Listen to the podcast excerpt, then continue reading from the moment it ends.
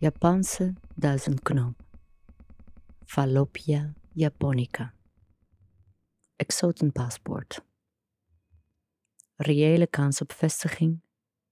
Ja. Betrouwbaarheid beoordeling. Grote mate van zekerheid. Meerdere bronnen.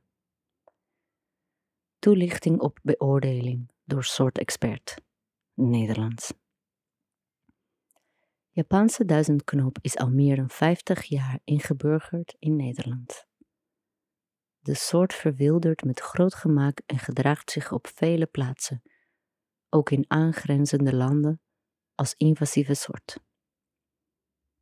Vestigingsstatus. Gevestigd. Zeldzaamheid. Zeer algemeen. Invasiviteit. Invasief. Invasiviteit. Toelichting.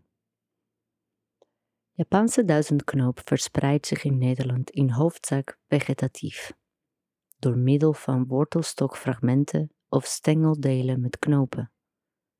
De groeiplaatsen zijn oorspronkelijk veelal ontstaan uit weggeworpen tuinafval. De plant werd ook gekweekt als veevoer. Eerste verwildering geconstateerd in 1886 bij Eembrug, langs de oever van de Eem. Komt nu algemeen en verspreid over het hele land voor. Vormt na verloop van tijd door vegetatieve vermeerdering grote groeiplaatsen in bermen, langs oevers en langs bosranden. Op de groeiplaatsen wordt de oorspronkelijke vegetatie geheel verdrongen. Type introductie. Opzettelijk. Jaar van eerste introductie 1832. Jaar van eerste melding 1886. Natuurlijke verspreiding Azië.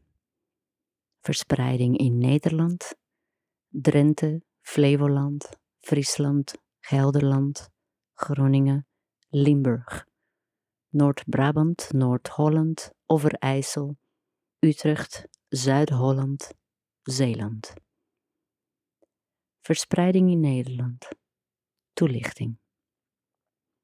Japanse duizendknoop is tussen 1829 en 1841, waarschijnlijk in 1932, uit Japan ingevoerd door von Siebold.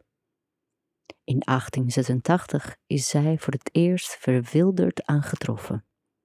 Na 1950 is de soort op grote schaal gaan verwilderen. Tegenwoordig komt de soort verspreid over het hele land voor. Habitats: stedelijke gebieden, verstoorde gebieden, gematigd loofbos. Wijze van introductie: tuinbouw, sierdoeleinden, levend voedsel. Impact.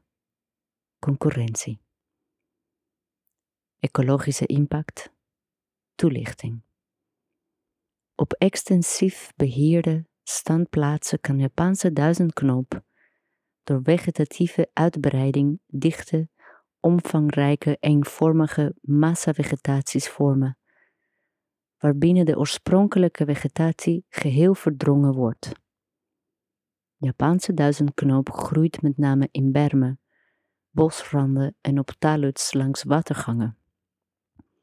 Door verdwijnen inheemse vegetatie is er ook een negatieve impact op de hieraan gebonden fauna. Economische impact.